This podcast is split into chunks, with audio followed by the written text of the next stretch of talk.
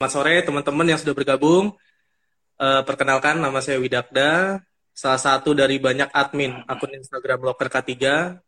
Seperti janji admin Instagram kemarin, beberapa hari lalu kan banyak ada pertanyaan tuh. Uh, kita harus ngadain Q&A sama praktisi K3.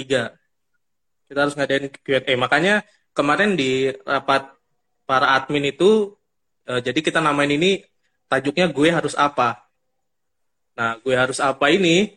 Kenapa sih dinamain seperti itu?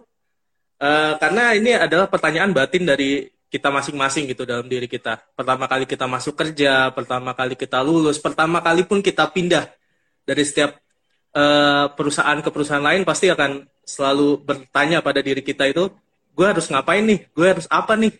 Ya kan gitu. Jadi kemarin uh, nama ini spontan aja gitu pas uh, rapat antara admin kita masukin oh gue harus apa? gitu. Itu sih jadi namanya itu gue harus apa. Jadi di depan kita semua sudah live bersama kita semua uh, Deviliandri Alim Pak Deviliandri Alim atau biasa disebut Pak Alim. Nah biar lebih kenal uh, saya persilakan untuk Pak Alim mengenalkan diri dulu deh. Baik terima kasih. Uh, Assalamualaikum warahmatullahi wabarakatuh. Selamat sore uh, sobat K3 ya sobat ketiga semua, salam kenal dengan saya. Uh, nama saya Devilian Rialin. Uh, saya biasa disapa dengan Pak Alim ya. Uh, jadi cukup uh, mudah untuk mengingat saya. Uh, terima kasih sudah diundang nih sama Mas Sweet uh, di forum uh, IG Live-nya ya. Terima kasih. Mudah-mudahan apa yang kita bahas ini bisa membantu.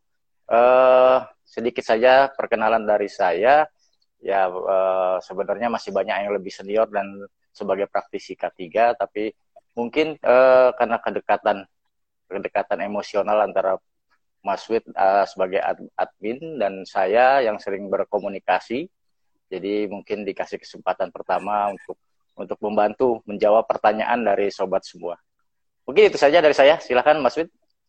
Oke, Pak Alim. Nanti kita jelasin rule-nya ya. Jadi cara main live-nya itu teman-teman kemarin kan uh, admin-admin udah kumpul ini pertanyaan-pertanyaan dari teman-teman semua udah kita sortir juga.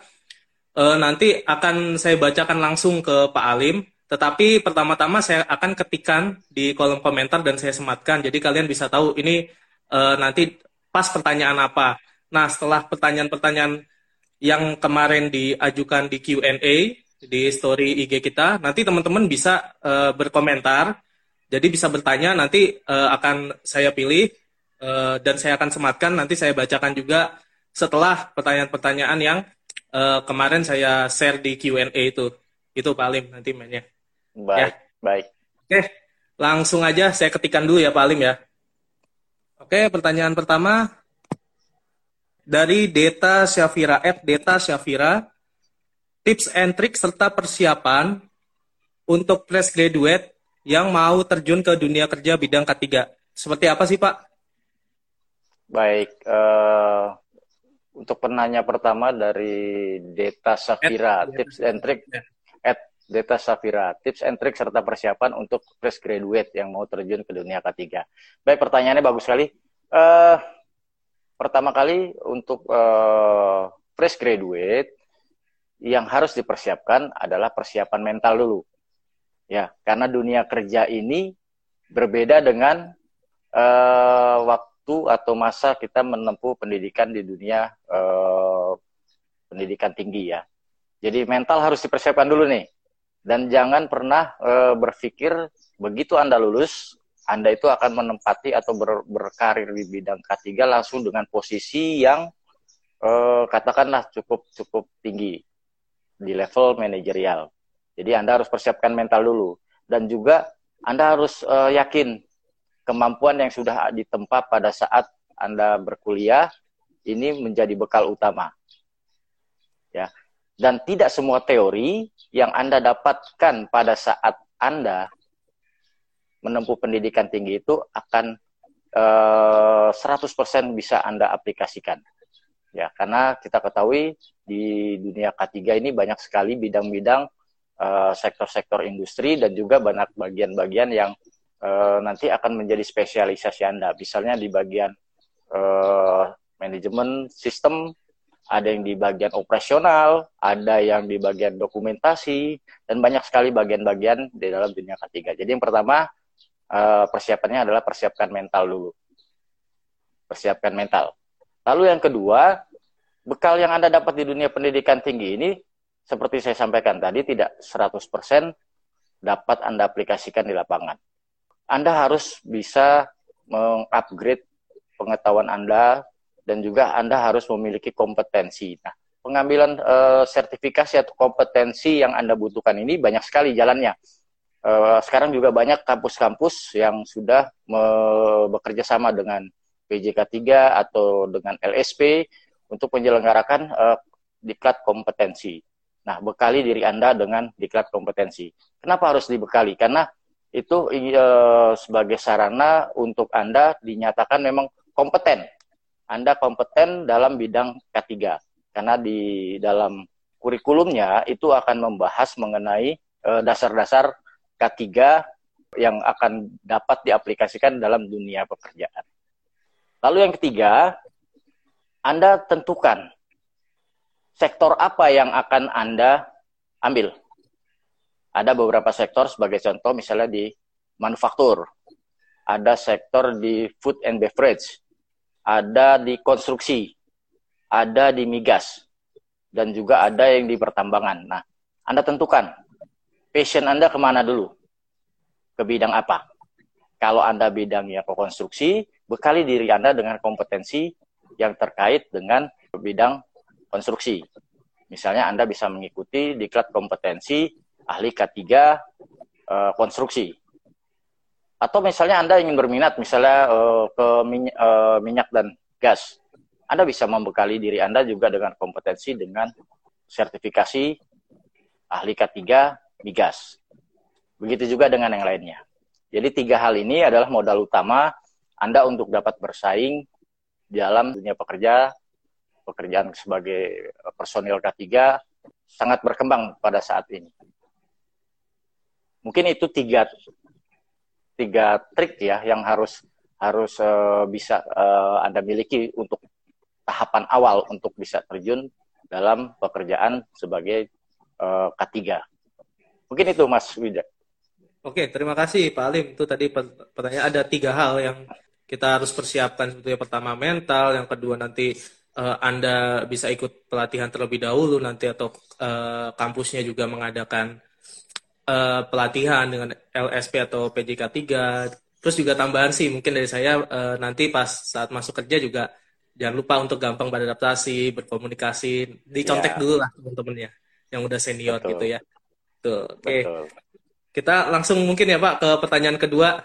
Pertanyaan kedua langsung aja saya bacakan dari Ed Kezia Karwin. Bagaimana kita pantas bekerja uh, sebagai ahli K3 dengan modal sertifikat K3 tapi bukan jurusan K3. Jadi kemarin juga pas Q&A pertama sama admin, admin-admin, banyak nih yang menanyakan kalau saya dari jurusan IT bisa nggak masuk K3 dengan sertifikasi? Bisa nggak saya dari jurusan manajemen uh, ke K3? Bisa nggak saya ikut pelatihan K3 gitu? Banyak yang bertanya seperti itu Pak, rata-rata.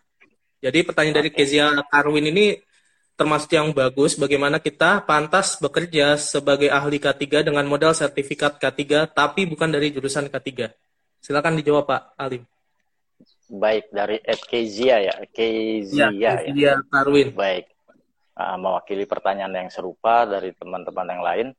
Pertama-tama kenapa kami juga uh, tadi uh, sebelum sebelum ini kita komunikasi dengan Mas Widaga ini Kenapa saya bikin forum seperti ini? Nah, ini sepertinya akan banyak uh, bermanfaat karena uh, banyak juga teman-teman dan saya sangat uh, appreciate kepada teman-teman karena banyak ternyata yang bukan K3 tapi berminat. Nah, ini salah satu mungkin saya masuk dalam era di mana K3 belum belum terlalu ber uh, memasyarakat ya dalam beberapa sektor industri. Tapi sekarang dengan perkembangan banyak sekali peminat-peminat yang bahkan bukan dari jurusan K3.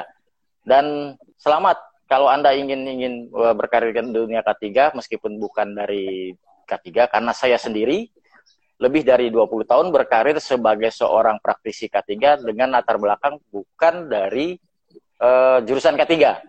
Saya belajar dari uh, sertifikasi kompetensi dan segala macam dan pengembangan diri. Uh, jadi saya sendiri berangkat bukan dari jurusan K3. Saya berangkat dari jurusan uh, teknik sipil. Kalau tadi ada pertanyaan bisa atau tidak? Pasti bisa. Di mana ada kemauan dan di situ pasti ada jalan. Itu prinsip utamanya. Dan juga K3 ini bukan didominasi oleh jurusan K3 saja justru di beberapa sektor senior-senior yang mungkin uh, lebih lebih uh, jam terbangnya lebih banyak sebagian besar memang bukan dari jurusan K3 dengan top leader top leader K3 ini sebagian besar adalah bukan jurusan K3 dan mereka mampu beradaptasi mempelajari dan yaitu kemauan untuk mengembangkan diri. Karena dunia K3 ini adalah kebutuhan. Ini kebutuhan. Kalau ada seorang IT uh, ingin menjadi seorang K3. Kenapa tidak?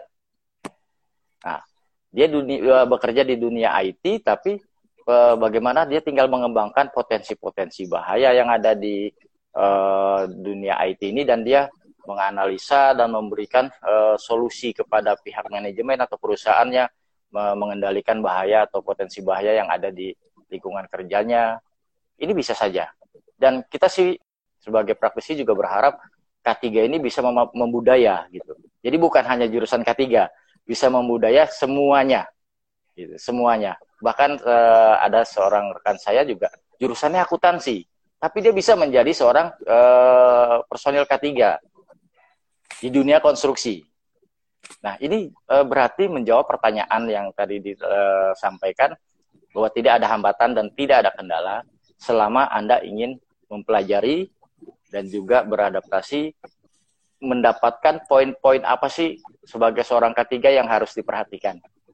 Bukan hanya sebagai uh, personil yang hanya memiliki sertifikasi, tapi uh, Anda bisa uh, bisa menganalisa, bisa mengendalikan dan bisa mensosialisasikan program K3 ini kepada personil lain dalam perusahaan Anda. Mudah-mudahan itu bisa menjawab ya Mas ya, karena. Kebetulan saya juga bukan dari personil lulusan K3 dan sekarang banyak sekali peminatnya di luar uh, lulusan jurusan K3. Kurang lebih seperti kalau, itu. Kalau bisa disimpulkan saya juga bukan sih. Dan nah. uh, rata-rata emang top top leader ya uh, termasuk bos saya juga di kantor juga atau manajer juga bukan dari K3 malah dari ekonomi satu ekonomi. Nah nah ini salah satu contoh lagi. Salah satu iya, contoh menarik yang yang, yang bisa membuka. Ya. Ya lumayan pengalamannya di bidang ketiganya luar biasa sih. Ya. itu itu bisa jadi satu nilai plus lah ya. Ya benar. Dan jangan terkendala karena background pendidikan karena anda bisa mempelajari. Semua hal bisa dipelajari.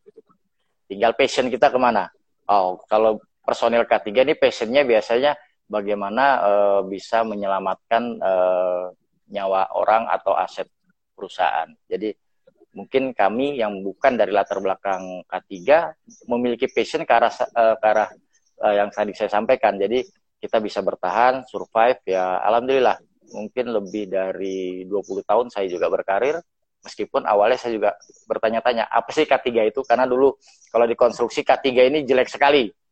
K3 ini adalah bagian di mana urusannya sampah aja. Jadi ke, mungkin dulu pernah kenal istilah K3 itu adalah ketertiban kebersihan dan ke keamanan nah, ini waduh kita menjadi personil K3 ini kok kayaknya uh, apa ya? Iya, karena kebetulan saya dikonstruksi, bagian yang yang tidak bisa di, di apa ya dibanggakan gitu ya. Cuma ngurusin sampah proyek gitu kan ketertiban orang-orang proyek. Ini kok begini ya? Ternyata begitu saya pelajari saya pelajari saya dalami terus saya upgrade juga pengetahuan saya oh ternyata ini salah kaprah gitu. Jadi masih masih uh, minim lah pada saat uh, saya mulai berkecimpung di dunia K3 tapi alhamdulillah seiring berjalannya waktu dan juga kemauan untuk mengupgrade diri, alhamdulillah ini bisa menjadi uh, satu apa ya bisa bisa bisa bilang untuk pegangan hidup ya Terutama kita pasti punya planning masing-masing untuk kehidupan kita. Bisa uh, berumah tangga, memenuhi kebutuhan keluarga. Dan sekarang ini sudah menjadi uh, apa ya bukti ya. Kalau personil K3 ini bukan personil ecek-ecek gitu ya. Bukan Tuh. personil ecek-ecek. Ini bisa menjamin kehidupan kehidupan uh, pribadi masing-masing. Dan uh, ya bahkan di beberapa perusahaan rate untuk uh, penghasilannya itu mungkin bikin orang iri gitu ya. Kerjanya cuma ngomel sosialisasi marahin orang ya ngawasin orang gitu. Tapi oh gajinya lebih besar dari manajer gitu ya. Jadi perkembangan ini yang yang yang uh, sangat sangat luar biasa dan ya ini pasti uh, apa semua sudah memang memang sudah diplanningkan bidang K3 ini akan menjadi suatu kebutuhan. Kalau dulu di perusahaan-perusahaan mungkin Anda bisa lihat di uh, label produknya pasti ada QC pass ya. Karena ya, kalau hanya mengandalkan program uh, apa uh, label QC pass atau quality control pass atau pemeriksa hasil pemeriksaan quality controlnya saja tanpa memperhatikan kaidah safety-nya, kaidah ketiganya, uh, produk ini tidak akan bisa terjual secara meluas ya. Karena dia harus memperhatikan karena ini standarisasi internasional yang harus diikuti tiap perusahaan, terutama yang menghasilkan produk. Ya, kurang lebih seperti itu, Mas. Ya, jadi be beberapa pertanyaan kemarin tuh kan ada yang bertanya bisa nggak, bisa nggak?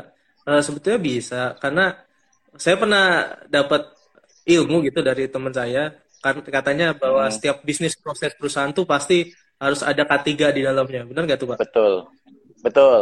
Betul sekali, Mas. Uh, seperti saya sampaikan tadi, dulu trennya adalah uh, dalam bisnis proses itu harus melewati namanya fase pemeriksaan quality control untuk pengecekan baik dalam proses atau uh, hasil prosesnya.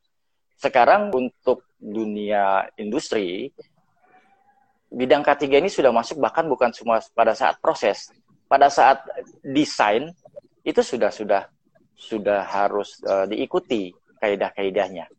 Nah ini yang menjadi uh, mungkin uh, daya tarik tersendiri dari rekan-rekan mungkin rekan-rekan yang bukan di bidang K3 sehingga timbul pertanyaan seperti ini bisa nggak uh, bukan dari background K3 untuk uh, berkarir di bidang K3. Nah, itu itu benar sekali, benar sekali. Jadi dalam uh, proses uh, produksi semua itu sudah masuk bidang-bidang K3-nya.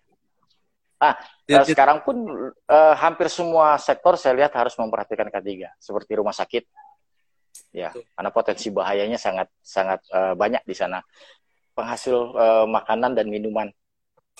Peternakan pun sekarang ada. Dan bahkan saya punya uh, beberapa orang rekan yang berkarirnya itu malah di bidang K3 di perkebunan menghasilkan perkebunan uh, kelapa sawit. Ada yang perkebunan uh, kopra apa uh, ya sejenis perkebunan perkebunan selain kelapa, sawit perusahaannya uh, itu memperhatikan gitu sampai dia harus uh, terjun menjadi praktisi K3 di bidang uh, perkebunan Nah, ini kan menarik sekali gitu. Menarik sekali dan berarti semua sektor sudah harus e, menerapkan namanya standarisasi bidang K3.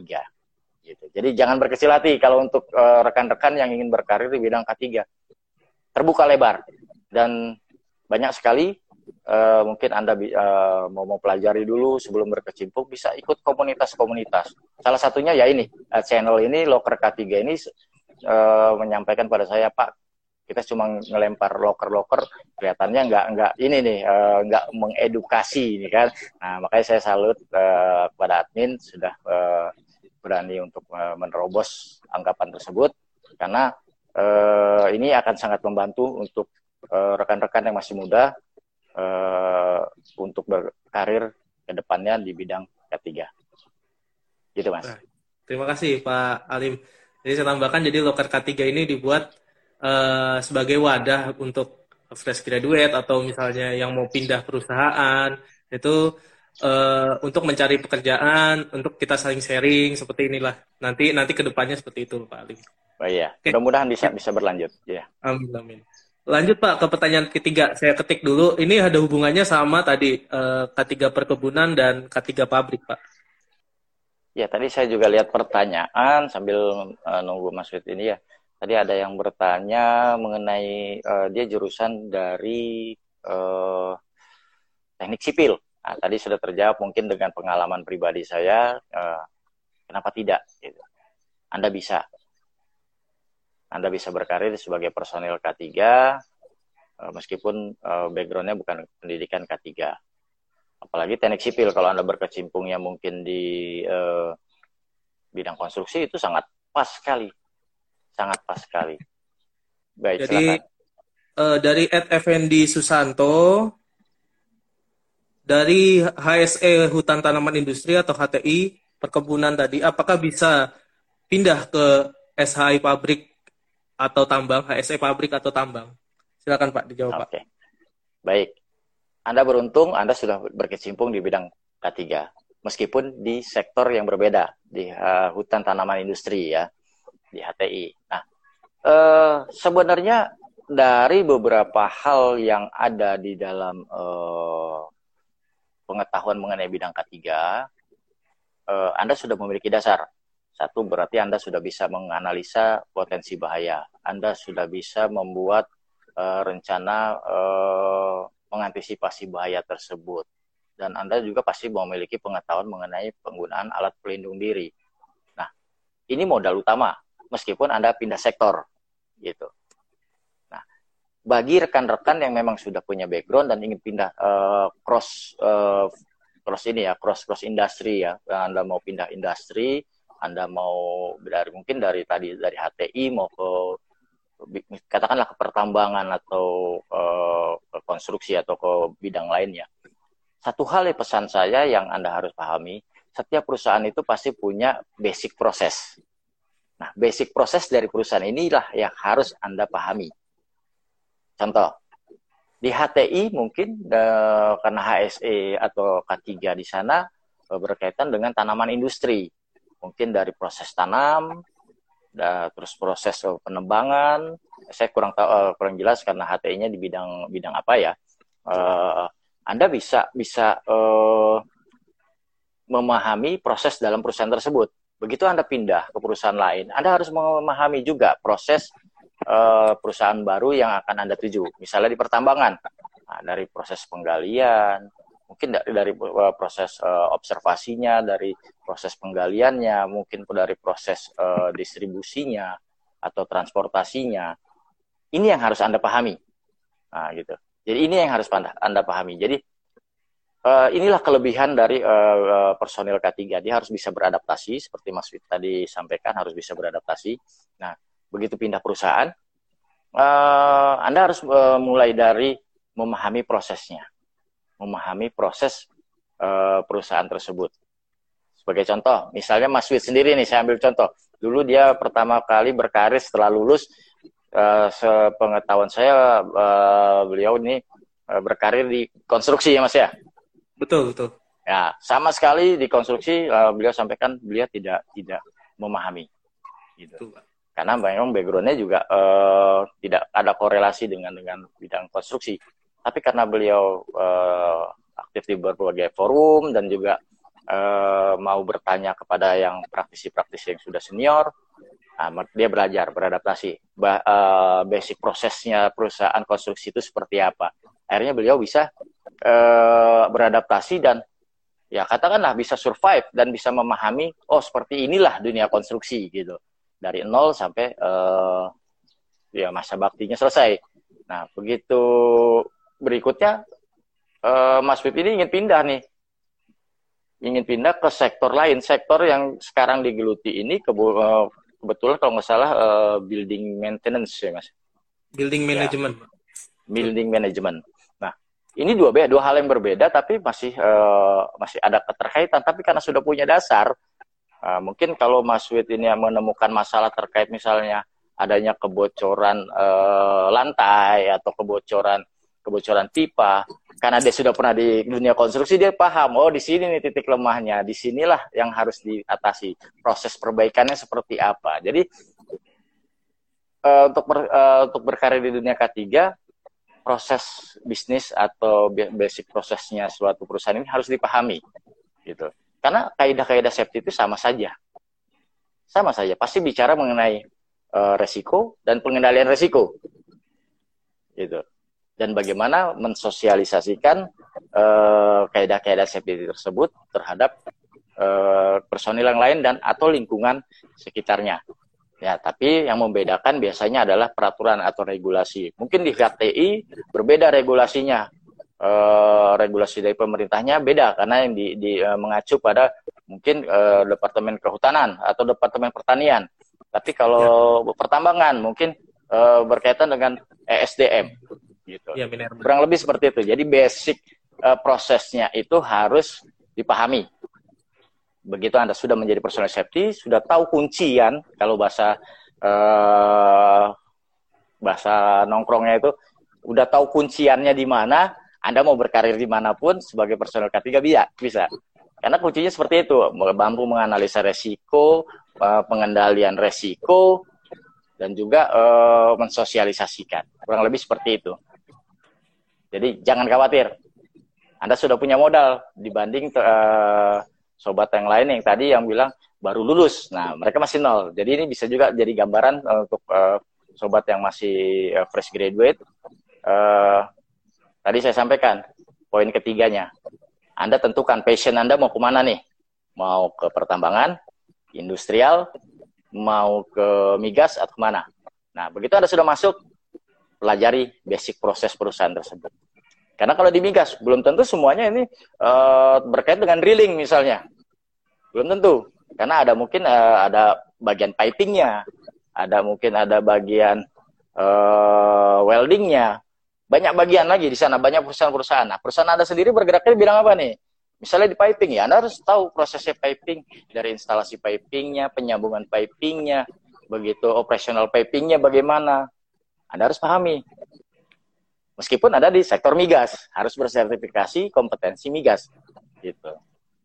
Jadi basic proses dari perusahaan dipahami untuk anda bisa berkarir di situ. Kurang lebih seperti itu mas. Oke. Uh, pertanyaan terakhir dari yang kemarin saya kumpulkan atau pertanyaan ke iya. ya keempat ya sekarang. Dari Rifani Amar.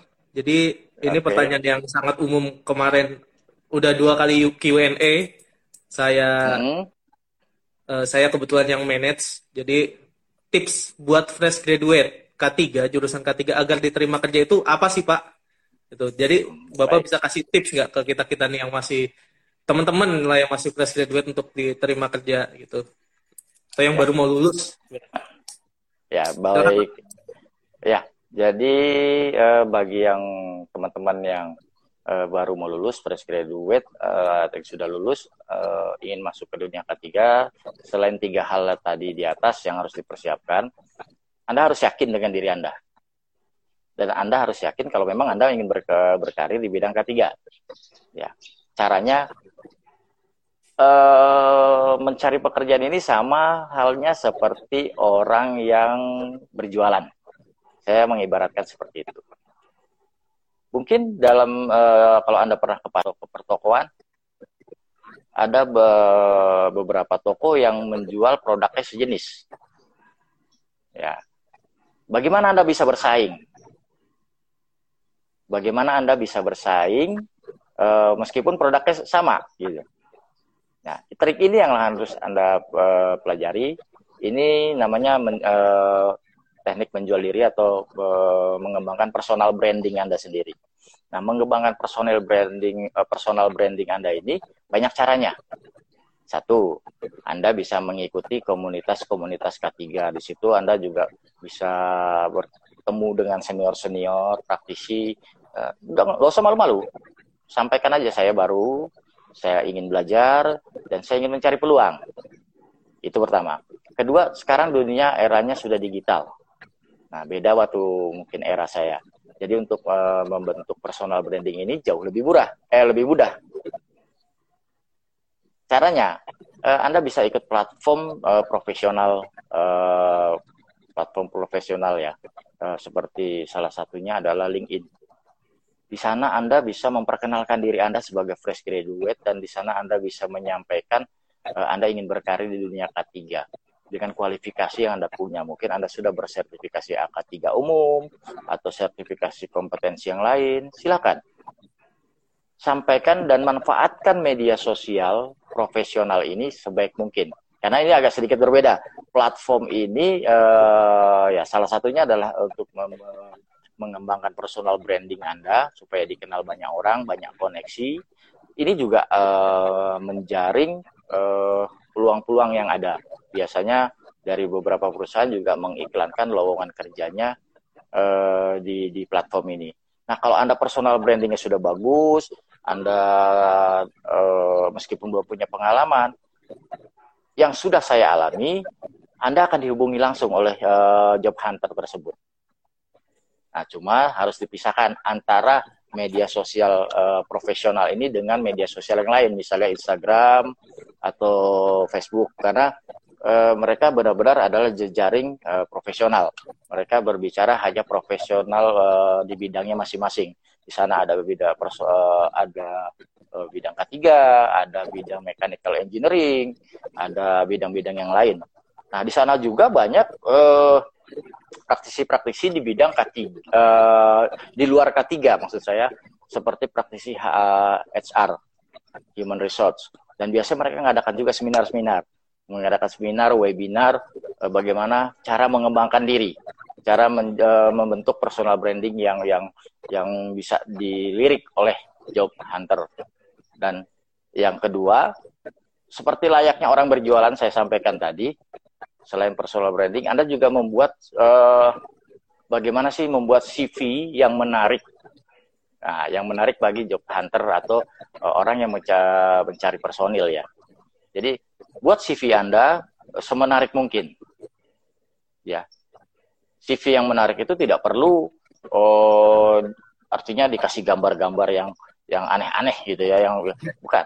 Tapi isinya, isinya yang bisa menjawab kebutuhan dari uh, perusahaan-perusahaan tersebut. Misalnya, Anda punya aktivitas apa di di luar? Misalnya, Anda relawan, relawan sosial ceritakan tugas Anda, apa yang sudah Anda lakukan, program-program apa.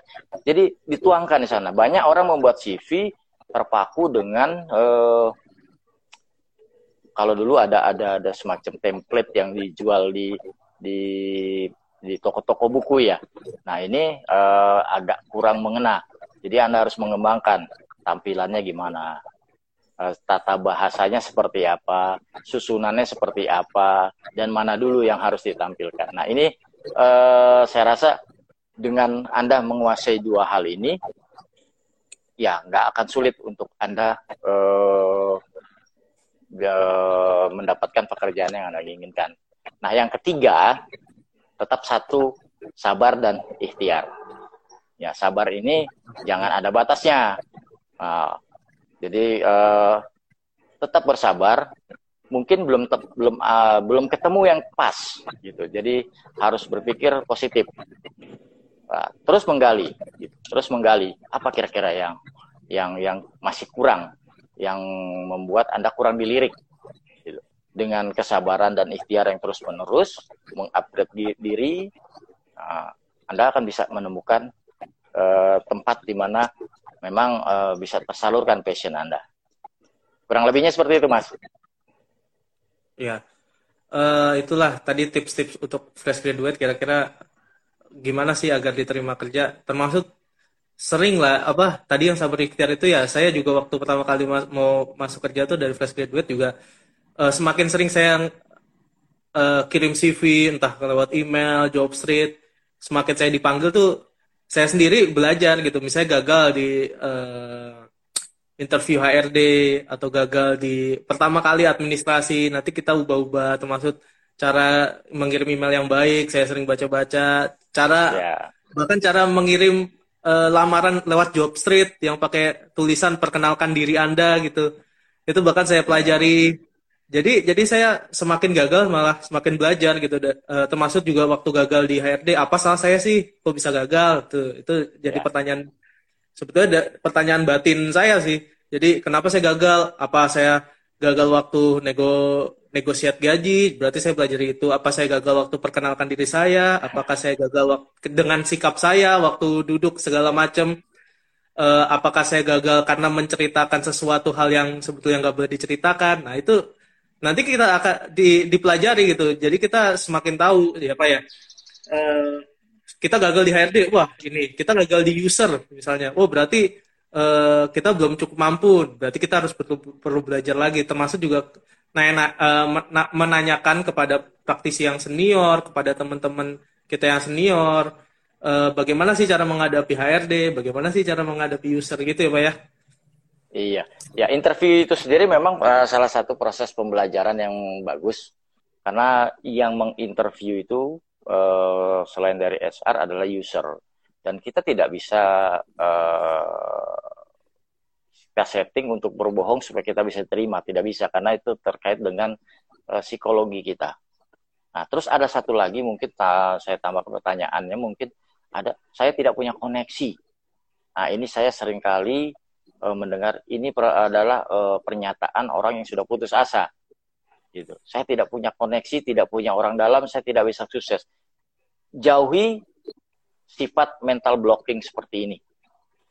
Ya, ini penting sekali untuk untuk uh, uh, sobat semua. Mental blocking pada saat kita menyatakan diri kita seperti tadi, saya tidak punya koneksi, saya tidak bisa uh, sukses.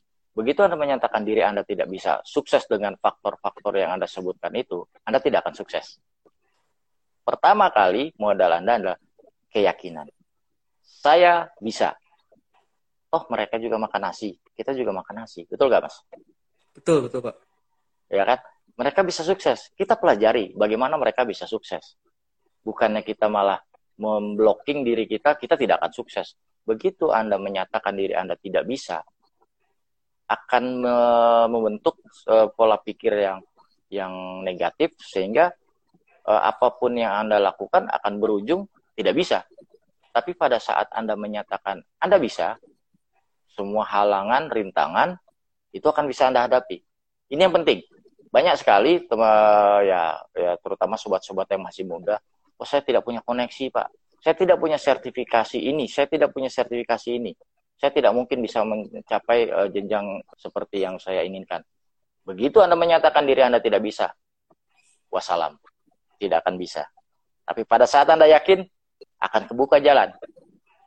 Karena ini akan ber berkaitan dengan pola pikir kita. Begitu kita menyatakan bisa, kita akan berusaha.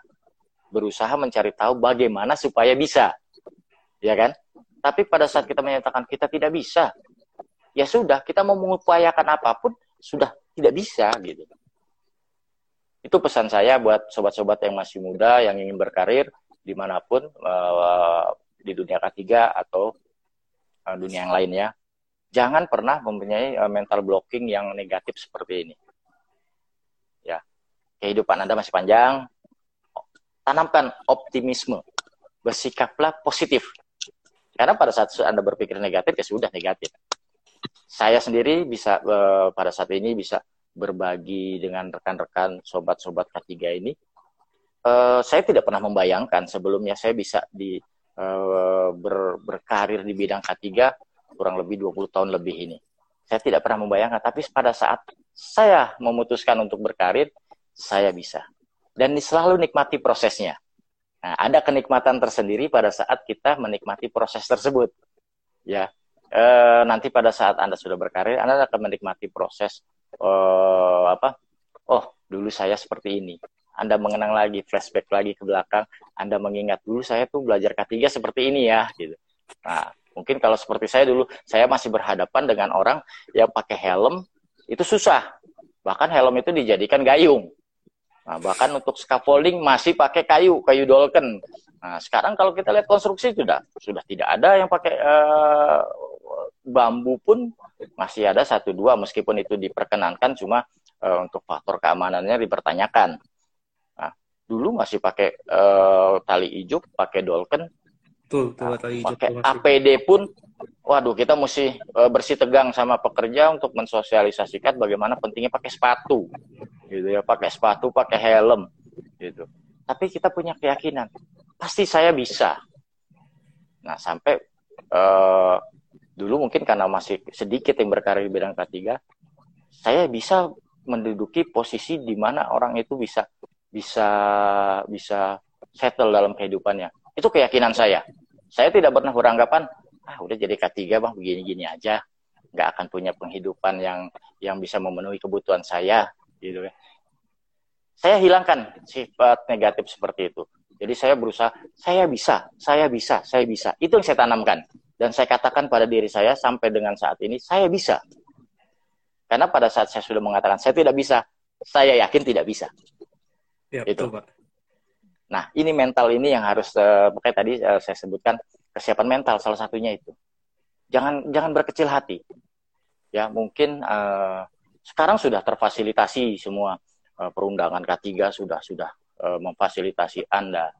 Tapi pada saatnya dulu itu belum ada terlalu terlalu uh, belum uh, memasyarakat uh, perundangan dan uh, pengimplementasian K3. Sangat memprihatinkan. Nah, sekarang sudah enak zamannya. Platform-platform juga secara digital, Anda mau belajar segala macam uh, mengenai K3 gampang. Anda mau uh, mau uh, di komunitas itu biasanya suka sharing-sharing itu masalah-masalah standar-standar uh, K3 mungkin dari dari ANSI, mungkin dari dari OSHA, dari NIBOS segala macam materi-materinya biasanya saling sharing. Tampung itu, tampung. Supaya Anda bisa dan punya bekal untuk uh, berkarir di bidang K3. Sudah memudahkan. Zaman sekarang sudah sangat mudah dan sangat uh, ya uh, Anda terfasilitasi, Anda bersyukur, bersyukur sekali uh, generasi muda, uh, uh, meskipun kadang-kadang masih manggil masih manggil saya juga muda ya, tapi Anda lebih jauh lebih bersyukur dengan media-media yang ada dan sangat memudahkan untuk Anda berkarir. Jangan pernah katakan tidak bisa. Jangan pernah. Hilangkan dalam pikiran Anda dan selalu optimis dan berpikiran positif. Saya bisa. Kalau perlu tiap pagi itu mas, tiap pagi. kalau yang muslim habis sholat subuh, habis berdoa, saya bisa, saya bisa, saya bisa gitu. Tanamkan dalam diri anda, saya bisa, saya bisa, saya bisa. Begitu tidur pun, mau tidur malam pun anda tanamkan, saya bisa, saya bisa, saya bisa. Insya Allah itu akan membentuk jalan keluar. Tapi pada saat anda menyatakan saya tidak bisa, nggak usah nunggu lama. Saat itu juga anda tidak akan bisa. Kurang lebih seperti itu mas. Jadi kita langsung ke ini aja Pak, pertanyaan paling dasar, paling banyak ditanyakan. Di K3 itu gue harus apa gitu. Gua, itu pertanyaan yang paling dasar. Gue harus apa? Pasti, pasti orang-orang pada nanya, apa sih? Gitu. Saat pertama kali datang, saat pertama kali uh, bekerja, saat pertama kali pindah perusahaan, gue harus apa Pak? Gitu. Iya. Itu pertanyaan yang paling Tadi, dasar. Uh, uh tadi saya sudah sampaikan uh, pertama Anda harus memahami atau basic proses uh, atau uh, apa yang di, dilakukan oleh perusahaan Anda itu sendiri. Bidang apa? Misalnya industri, industri apa? Anda harus pahami dulu. Kedua, uh, Anda pahami uh, prosedur, standar, dan juga uh, uh, mungkin eh, format-format yang ada di dalam perusahaan itu, standar-standar perusahaan SOP-nya segala macam. Pelajari itu. Karena biasanya uh, untuk yang baru bergabung, Anda disuruh mempelajari dulu, dikasih kesempatan pada saat induction, terutama orang K3, suruh pelajari dulu tuh. Nah, SOP-nya bagaimana? Uh, prosedurnya seperti apa? Gitu kan. Anda pelajari dulu, Anda pahami. Jadi Anda tahu sebagai personal safety apa yang harus Anda lakukan gitu. Jangan uh, mohon maaf karena Anda memiliki latar belakang atau background di bidang K3, begitu Anda masuk ke dalam perusahaan tersebut, Anda langsung wah, harus begini. Nah, ini banyak juga uh, terjadi mungkin pengalaman ya Mas Fit ya. Banyak teman juga yang bercerita uh, karena dia merasa pede, uh, merasa merasa merasa yakin, terlalu yakin dengan dirinya, dia masuk ke dalam satu sektor, dia tidak membaca dulu nih SOP-nya karena tiap perusahaan prosedur dan standarnya itu kan berbeda-beda implementasi safety-nya ya. Karena level perusahaannya mungkin uh, baru mampu se dalam dalam proses yang mana gitu ya. Karena itu kan berkembang terus prosedur dan dan standarnya itu akan berkembang terus. Nah, dia karena merasa lulusan K3, lulusannya masuk dia langsung tanpa mempelajari uh, budaya perusahaan tersebut, dia langsung uh, menerapkan apa yang dia dapat waktu zaman uh, dia masih berkuliah. Yang ada, yang terjadi adalah pertentangan, pertentangan dan konflik konflik antara dia sebagai personel K3 dengan uh, mungkin staff lain atau mungkin dengan dengan uh, pekerja. Ini yang akan sering terjadi. Akan terjadi konflik. Kenapa? Dia tidak memahami karena beda perusahaan, beda kultur, beda budaya dan beda juga prosedur serta standar yang diterapkan. Anda tidak bisa ambil bulat-bulat uh, standar misalnya katakanlah standar dari luar kita British standar atau OSHA. Anda tahu, Anda paham, gitu. Anda mempelajari, paham. Bahkan mungkin Anda sudah mengambil sertifikasi. Begitu masuk di perusahaan tersebut, Anda mau bulat-bulat Anda terapkan. Tidak bisa. Gitu. Jadi pahami dulu. Pahami dulu di perusahaan tersebut prosedurnya seperti apa, standarnya seperti apa. Dan Anda akan bisa mengukur. Anda akan bisa mengukur. Oh, di level ini saya harus harus uh, melakukan apa. Gitu. Kalau aktivitasnya otomatis Anda harus berkoordinasi dengan atasan Anda Nah, itu juga jelas dari prosedur itu siapa atasan Anda, siapa uh, direct supervisor Anda siapa. Anda harus mematuhi. Mungkin Anda dikasih tugasnya adalah di bagian administrasi nih. Nah, bagian K3 tapi di bagian administrasi mengolah data, data entry-nya. Tapi Anda keluar dari jalur yang ditugaskan tersebut, ya otomatis atasan Anda juga akan komplain terhadap Anda gitu. Karena ya, atasan Anda juga sudah memplotting Eh, masing-masing personilnya men, uh, bertugas sebagai apa gitu. Jadi itu prosedur dan standar perusahaan tersebut harus diikuti dulu, dipahami, baru Anda bisa mengimplementasikan dan juga mengetahui job desk Anda itu seperti apa. Nah, jangan Anda job desknya safety supervisor, tapi Anda actingnya sebagai uh, safety manager malah galakan dari safety manajernya gitu kan. Ah ini nanti akan jadi jadi jadi konflik juga nih terhadap uh, Anda gitu. Jadi kurang tepat gitu. Bekerjalah kalau di perusahaan sesuai dengan job desk Anda. Jadi saya selalu kepada personil saya selalu mengingatkan uh, dalam dunia pekerjaan itu ada dua pekerjaan. Satu pekerjaan utama, satu pekerjaan tambahan. Gitu. Pekerjaan utama ini ada di job desk. Ya kan? Pekerjaan tambahan ini adalah pekerjaan yang tidak keluar jalur ya, tapi tanda kutip tidak keluar jalur dari fungsi Anda. Gitu. Nah, mana yang harus didahulukan? Pekerjaan utama yang harus Anda dulukan. Pekerjaan yang tambahan, kalau Anda bisa dan e, mampu menyelesaikannya, ini akan jadi poin plus. Tapi kalau Anda e, tidak lakukan, meskipun ditugaskan, sebenarnya tidak ada tidak akan ada sanksi. Namun, e, ada penilaian terhadap uh, karyawan itu uh, nilai loyalitasnya ini akan akan standar-standar aja. Nah, Anda kan mau mau jadi super nih. Artinya mau mau berkarir dengan dengan kinerja yang bagus. Ya, sebaiknya setelah menyelesaikan pekerjaan utama, pekerjaan tambahan ini Anda lakukan juga. Gitu. Semampu Anda. Kalau tidak mampu ya sampaikan kepada atasan Anda keterbatasan Anda karena Anda harus menyelesaikan yang utama dulu. Kira-kira begitu, Mas. Ah, ini ada pertanyaan tadi dari Diana WR atau Mbak sebentar ya. Mbak Rahma okay. Diana tadi lewat komentarnya. Jadi teman-teman yang mau menanyakan langsung aja ditulis di komentar atau di sebelah komentar ya, ada kolom silakan. pertanyaan. Bisa di situ nanti saya baca pertanyaannya satu-satu. Jadi tadi dia bertanya agak lewat sih Pak di di ke atas itu. Dia bertanya okay. jadi kebanyakan loker di bidang ketiga itu kenapa sih harus yang pengalaman? Nah, jadi kan yang para fresh graduate ini ini bahasa gaul nih insecure gitu. Jadi takut gitu untuk masukin lowongan tersebut. Itu bagaimana Pak pendapat Bapak? Ya, uh, kalau uh, dari perusahaan atau job hunter uh, melalui job hunter itu pasti uh, memudahkan perusahaan untuk mencari personil yang memang sudah sudah tidak perlu dipoles lagi karena memang untuk uh, proses penerimaan misalnya orang itu sudah berpengalaman kan berarti tidak akan keluar kos perusahaan untuk training lagi. Paling dia hanya ke uh, akan membuat suatu internal training atau uh, apa induction terkait budaya dan dan prosedur yang ada di perusahaan. Tapi kalau perusahaan itu uh, sudah sudah berjalan, pasti mereka minta yang sudah berpengalaman. Ini tricky gitu. Jadi uh, sebenarnya kita harus berpikir juga dari sisi perusahaan. Kalau saya punya perusahaan, saya juga maunya orang ber, berpengalaman biar bisa langsung kerja. Tidak perlu saya ajari lagi. Kurang lebih seperti itu kan. Tapi Anda jangan jangan khawatir. Jangan khawatir dan jangan cuma menunggu uh, apa lowongan yang fresh graduate gitu. Jangan. Kejar. Saran saya kejar. Bagaimana cara mengejarnya? Ya itu tadi. Perbaiki tatanan pembuatan uh, eh, CV Anda. Terus Anda punya personal branding yang kuat. Jadi pada saat eh, interview itu akan ditanya pemahaman Anda dan aktivitas Anda pada saat uh, Anda di luar dunia perkuliahan atau mungkin aktivitas uh, di masyarakat. Tuangkan dalam tulisan yang akan membuat meyakinkan ini orang bisa.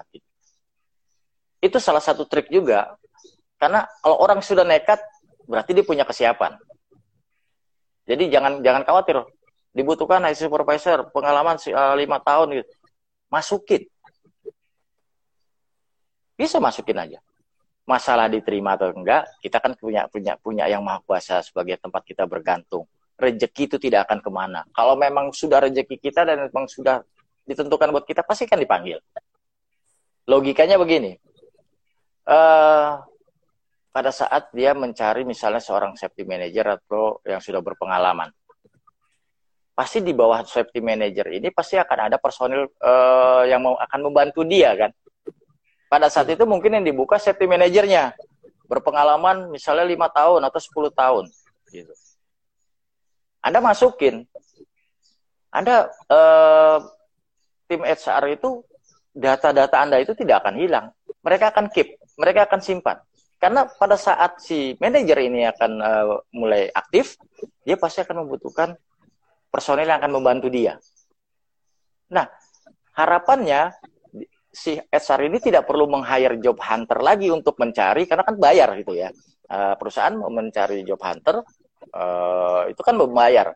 Daripada dia bayar lagi ke job hunternya, mendingan datanya dia simpan. Begitu ada kebutuhan dia tidak perlu cari-cari lagi, masuk ke dalam bank data mereka. Jadi berspekulasi seperti itu. Jadi harus berani. Gitu. Harus berani dan yakin. Dan punya keyakinan kalau memang udah rezeki kita, nggak akan ke mana gitu kan. Rezeki kita itu sudah ada ada yang ngatur. Jadi ya masukin aja. Dibutuhkan pengalaman sekian. Nah itulah.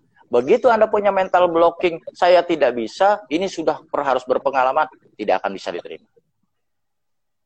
Tapi kalau Anda yakin, pede, pede aja kok bisa seperti itu? Nah, kok enak aja ngomongnya gitu? Karena saya mengalami seperti itu.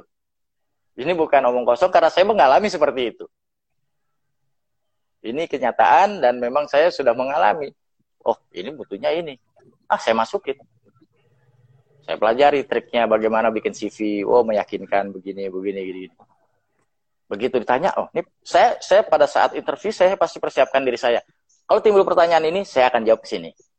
Kalau timbul pertanyaan ini, saya sudah punya jawaban seperti ini. Gitu. Jadi, saya berangkat dari keyakinan itu. Saya bisa. Gitu. Saya bisa. Jadi kita punya persiapan dulu dan yakin. Dan ternyata bisa survive. Gitu. Nah ini ini sebenarnya saya bicara mencerit uh, Mas Wid ini pertanyaan pertanyaan seperti ini sebenarnya uh, ngorek ngorek ini saya nih sebenarnya apa ngorek pengalaman saya nih. Jadi saya uh, ya saya saya senang gitu. Saya mengeluarkan uh, apa apa hal-hal yang pernah saya alami uh, modal nekat gitu ya. Bahkan saya pernah uh, dulu saya berawal berkarir itu bukan sebagai personil K3 saya personil uh, dulu quality control di salah satu BUMN ya Nah, itu masih ecek-ecek lah, masih belum ngerti quality control. Saya pelajarin K3 itu apa, kok cuma bersihin sampah aja gitu, seperti saya cerita tadi. Saya pelajari, saya upgrade knowledge saya, ikut-ikut training, kadang-kadang ada ada seminar-seminar saya ikut, minta sama atasan saya, saya ikut dong, saya mau gitu kan. Nah, begitu ada pembukaan di salah satu perusahaan konstruksi terbesar di Indonesia, saya pede aja saya masukin gitu. Tanpa berpikir saya akan diterima gitu. Saya nekat aja, saya masukin. Saya belum pernah punya sertifikat K3 pada saat itu. Saya masukin. Saya cuma berdoa, ya Allah, mudah-mudahan rezeki saya gitu. Kalau memang rezeki saya, ya saya ambil gitu. Dan ternyata benar, doa saya dikabulkan gitu. Saya tidak pernah berpikir di perusahaan konstruksi uh, besar ini akan menerima saya gitu. Dengan kualifikasi saya belum pernah berkarir di bidang K3. Bahkan uh, surprise-nya saya ditawari dengan dua posisi, salah satunya K3 dan satu di QC. Gitu. saya memilih mana? Karena passion saya dan niat saya untuk uh, pindah perusahaan itu karena untuk bidang K3 saya di K3 dengan nol pengalaman kerja di bidang K3 dan juga nol sertifikasi. Nol sertifikasi. Di situlah uh, saya mulai bersekolah katakanlah bekerja sambil bersekolah jadinya artinya di, di perusahaan tersebut sampai memiliki per, uh, sertifikasi macam-macam lah di sini gitu jadi semua awalnya nekat gitu gitu. Jangan jangan jangan mental blocking dulu. Negatif mental blocking ini wah, bahaya sekali. Kalau saya saya berpikir sekarang saya uh, flashback lagi ke 20 tahun yang lalu begitu saya mau pindah perusahaan. Saya tertawa sendiri. Padahal saya modalnya nekat ya. Kok bisa gitu. Survive Nah, ini. Jadi ya karena niat, kembali ke niat Anda dan pola pikir. Anda harus ingat, pola pikir harus selalu positif dan optimis kalau Anda tidak positif dan Anda tidak uh, apa optimis, segala sesuatu itu tidak akan mungkin. Gitu, gitu Mas. Jadi uh, ya itu yang seperti saya sampaikan tadi. Harus harus optimis. Ya. Jadi saya cerita sedikit nih Pak. Dulu pernah uh, saya interview saya udah udah berpengalaman waktu itu saat itu dan uh, lawan, lawan interview saya ibaratnya itu masih fresh graduate. Ini ini fakta sedikit ya. Di situ saya kalah. Itu benar, saya kalah. Mereka tahu apa, apa sebabnya. Mungkin ada satu yang belibet waktu uh, pertanyaan HRD, ya itu mungkin rezekinya dia gitu. Udah. Nah. Dan, ya, dan saya sebagai pengalaman agak malu juga kalau masih belum pengalaman. nah, itu, itu proses itu pembelajaran. Iya, iya, pembelajaran buat saya. Waduh, kalah saya yang udah pengalaman. Padahal di di ini beneran di di uh, pengumuman lowongan kerjanya itu membutuhkan yang pengalaman 2 tahun, tapi mereka uh, memanggil fresh graduate untuk sebagai pembanding. Dan saya ya. kalah saat itu. Itu tinggal dua orang, saya doang sama uh, waktu itu perempuan fresh graduate. itu ya. pengalaman pribadi. Iya. di ya, jadi perusahaan industri. punya pola pikir seperti saya sampaikan tadi. Pertama, dia mau mengurangi kos, kos untuk training kembali orangnya yang sudah diterima kerja itu satu. Kedua, ini sebagai pembanding dan mungkin nanti sebagai uh, personil cadangan gitu. Dan kalau sudah jatuh rezekinya ke kita, mungkin dia akan datang ke kita gitu. Jadi kalau usah khawatir. Dan enaknya zaman sekarang Anda tidak perlu nenteng-nenteng map, nenteng-nenteng amplop untuk melamar pekerjaan. Nah, ini dia harus disyukuri. Beda zaman saya. Harus membeli koran Kompas Sabtu atau Minggu, nah, ya. Kompasiana. Nah, lowongan kerja tuh banyak tuh. Jadi saya harus siapkan kertas, uh, harus saya print, nanti saya amplopin, saya ke tukang pos ya. Ya, saya cukup sekarang ber, apa kadang kalau mengingat masa itu ketawa gitu ya dan ngelihat zaman sekarang, waduh, lowongan kerja, ada emailnya, ketik, kirim. Tidak perlu beli map perangko, tidak perlu beli map. Kalau dulu kita masih belum bekerja itu masih mengharapkan dari orang tua ya, uh, buat beli amplop, atau atau kita punya usaha-usaha lain yang yang bisa menghasilkan. Sekarang luar biasa, sangat sangat luar biasa dan manfaatkan peluang ini untuk anda yang masih muda. Jangan berkecil hati. Jauh zamannya anda ini, aduh luar biasa dulu uh, sangat memprihatinkan gitu. Saya eranya uh, pada saat mungkin saya tahu era pertama kali handphone itu dipakai di Indonesia gitu. Malah sebelum uh, handphone itu ada mungkin uh, pager dulu. Nah, itu saya sudah sudah ada gitu. Hanya mengandalkan dulu telepon umum ya telepon umum baru ada telepon rumah. Aduh sangat memprihatinkan. Nah kalau sekarang sangat mempri uh, sangat sangat luar biasa. Enak sekali. Bahkan sekarang masing-masing sudah pegang gadget. Sudah anak saya pun sudah main gadget gitu kan. Mau ngelamar tinggal klik ya udah kekirim tinggal berdoa.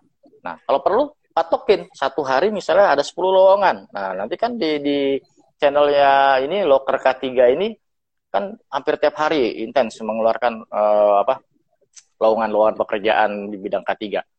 Apply terus, apply, apply, apply. Logikanya, kalau seribu kita lempar, masa iya satu aja nggak ada yang nyantol? Gitu kan? Kan teori peluang gitu kan? Sebenarnya secara matematis ya, teori peluang. Ya mana tahu HRD-nya lagi ngantuk, ngeliat oh masuk ini masukin ya. Ya itu uh, ini aja mungkin. Atau mungkin oh, ini ini sebenarnya nih anak punya potensi. Karena dari cara tulisan membuat CV tersebut seorang HRD kan dibekali dengan pengetahuan psikologis. Dia akan bisa menilai ini orang mau mau benar-benar bekerja. Bahkan kalau dulu ada orang eh, apa namanya bisa mempelajari tulisan tangan terbaca. Jangan bikin ini saya masih lihat ada beberapa mau bikin CV itu beli template yang ada di toko buku. Biodata diri itu. Ya zaman seperti ini Anda masih pakai seperti itu nggak menjual diri Anda. Anda tidak akan punya punya harga. Artinya uh, yaitu personal branding Anda tidak akan terbangun dari situ. Sekarang bersaing. Bahkan ada yang digital saya lihat di profesional medsos itu ya LinkedIn itu. Dia bikin CV dengan sekarang kan lagi trennya TikTok nih Ah, ya, fasilitasi ya. pakai pakai fasilitas TikTok memperkenalkan diri saya nama saya ini sampai sa, sambil joget-joget. Mungkin dari sisi ini ini apa sih? Serius nggak sih? Tapi dari segi kreativitasnya saya sangat menghargai. Berarti orang ini punya punya potensi me, sebagai uh, apa me, orang yang punya punya uh, visi yang bagus gitu, punya kreativitas yang tinggi. Sangat luar biasa gitu interview terkait ketiga apakah di setiap perusahaan itu sama? Ini mungkin ke user ya, Pak ya? Ke user. Uh, mungkin kalau di di ha, jadi kita pada saat interview uh, eh, HR itu atau bagian personal ya itu bertanya uh, kadang-kala bersifat umum, tapi kadang-kala juga bersifat uh, teknis ke bidang ketiga. Terus uh, apakah sama pertanyaannya? Tergantung usernya kalau usernya dari perusahaan migas mungkin bertanyanya bukan uh, apa akan berbeda dengan pertanyaan dari user mungkin K3 di perhotelan. Gitu.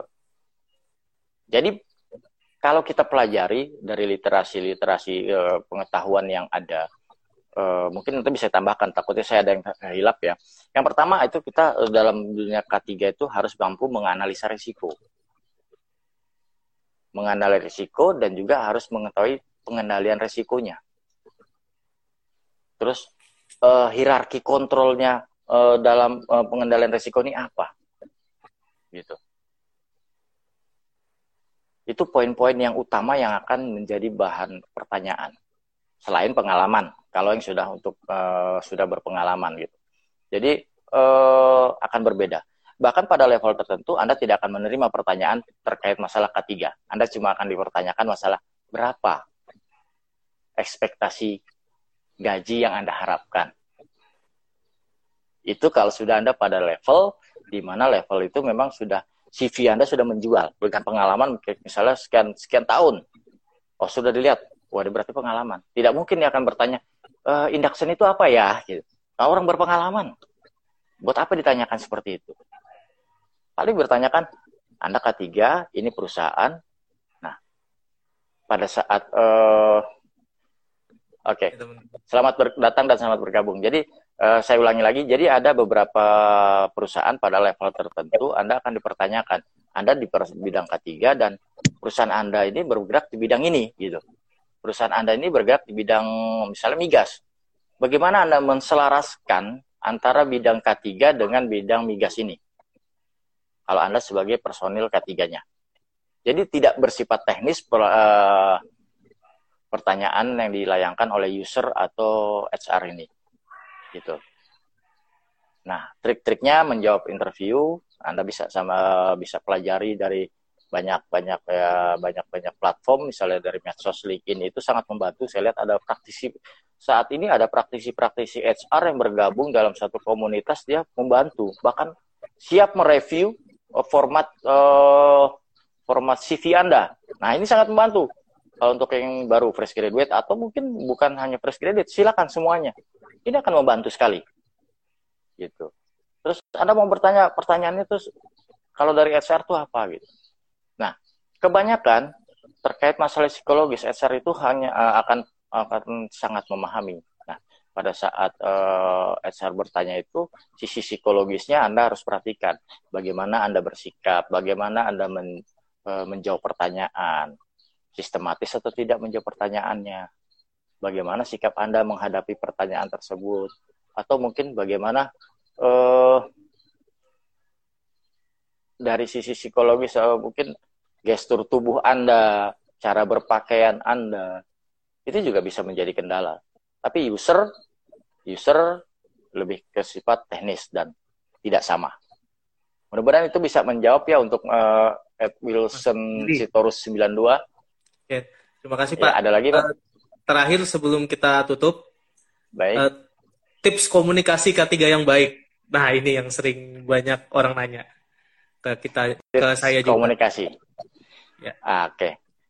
Sebenarnya ini ada di channel saya, uh, nanti silakan dicari. Mungkin di channel saya, channel YouTube, saya uh, mencoba membantu teman-teman juga tips komunikasi yang baik atau teknik peneguran yang baik bagaimana. Uh, Apa intinya, Pak nama, nama YouTube-nya Pak? Maaf Pak. Uh, nama saya aja diketik di YouTube mungkin di Devilianri Alim. Nah, nanti akan ada. Oke, nanti saya mungkin bisa share nanti ke Mas atau ke ini ya Nanti saya share juga di story mungkin Pak untuk akunnya Baik. bisa di sama teman-teman. Baik. Ya, saya cuma berupaya untuk bisa membantu. Uh, mungkin Mas ini selaras dengan dengan programnya Loker K3 nih. Saya tidak mau bicara teknis karena di komunitas sudah banyak yang berbicara teknis. Saya mau berbicara lebih uh, uh, apa? Lebih bicara ke lebih pengembangan personal ya. Uh, personal branding seseorang di bidang ketiga. Oke, tadi pertanyaannya apa, Mas? Uh, uh, tips komunikasi di ketiga komunikasi. Oke. Okay. Ya. Yang terbaik tips komunikasi uh, tips komunikasi yang baik itulah tidak menggurui. Kita mencoba merasakan apa yang dirasakan orang yang kita uh, apa berikan masukan. Misalnya katakanlah pada pekerja kita harus memahami apa yang dia kerjakan, apa kesulitannya, dan kita bantu bagaimana cari solusi yang tidak keluar dari kaidah ketiga. Itu yang paling tepat. Karena kalau Anda arogan, kalau Anda hanya bicara teori, pekerja atau staf itu tidak memahami.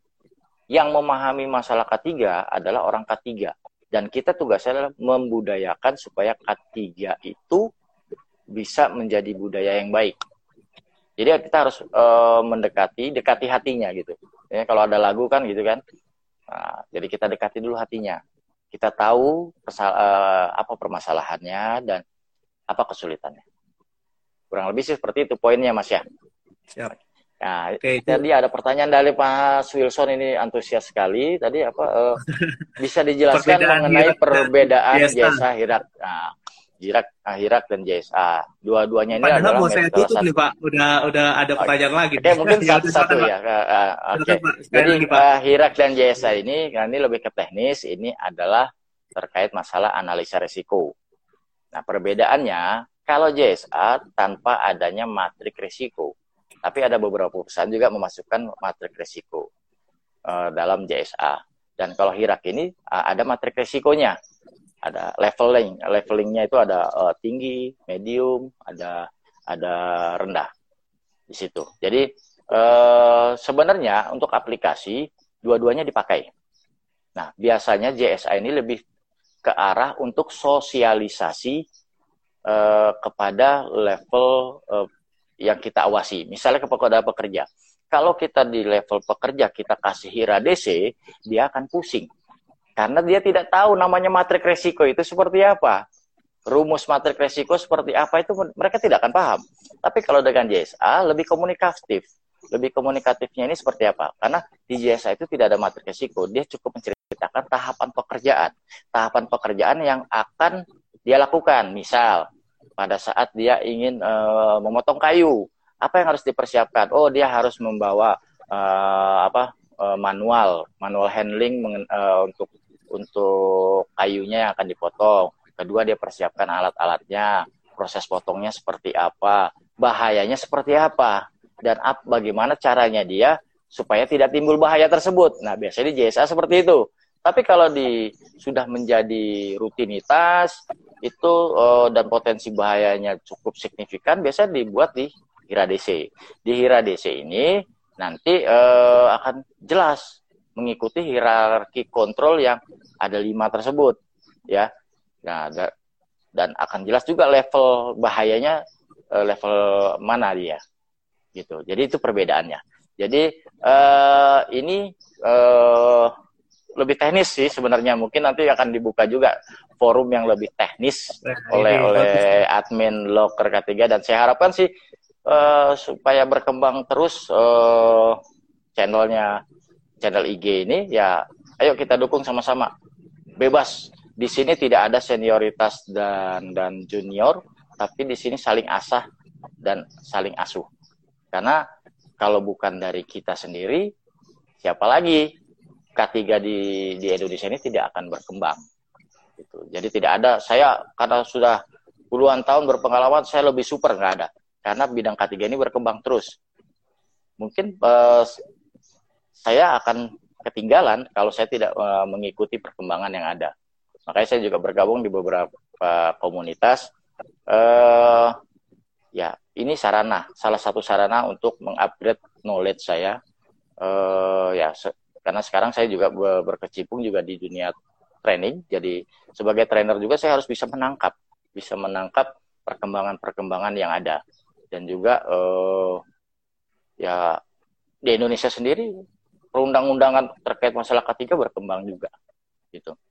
Jadi terima kasih nih Mas Wilson Sitorus 92. Pertanyaannya bagus sekali dan jangan sungkan-sungkan ke admin juga silakan setelah saat ini bisa dilayangkan pertanyaan-pertanyaan yang lebih menarik karena saya yakin admin Loker K3 punya stok uh, personil safety senior-senior yang lebih lebih mumpuni, yang lebih punya banyak pengalaman dan rekan-rekan lain bisa bertanya sepuas-puasnya. Gitu. Okay. Bahkan Betul. mungkin nanti kalau momennya kurang panjang waktunya bisa dibikin webinar Mas ya. Boleh, ya, bisa puas Pak. bertanya. Ah, ah. Jadi kita kita susun okay. dulu konsepnya. Oke, okay, Pak Alim, yang tadi itu pertanyaan penutupnya mungkin ya. Panjang sekali yeah. kita udah satu jam 15 menit nih kita ngomongin masalah ketiga. Yeah. Mungkin nanti kalau misalnya teman-teman masih belum puas, nanti kita adakan part keduanya atau mungkin nanti yang seperti ide Pak Alim sendiri uh, tadi mengadakan webinar tuh mungkin kita akan aturlah konsepnya. Yang jelas Uh, terima kasih teman-teman yang udah hadir. Sama-sama. Uh, tadi ada berapa banyak tuh yang nggak bisa saya sebutkan satu-satu. Terus ada yang malu-malu juga untuk bergabung, nggak masalah. Yang penting sudah bertanya di komentar. Nanti mungkin akan kita adakan part 2-nya kalau masih kurang panjang, mau sepanjang apa, tiga jam juga masalah. Itu Pak. Terima kasih iya. Pak Alim yang sudah mau bergabung nih selama satu. Sama-sama, sama-sama, sama-sama. Terima kasih juga untuk sobat-sobat K3 sukses selalu dan selalu jaga kesehatan. Kita masih dalam eranya pandemi. Oke, terima kasih teman-teman. Wassalamualaikum warahmatullahi wabarakatuh. Selamat sore.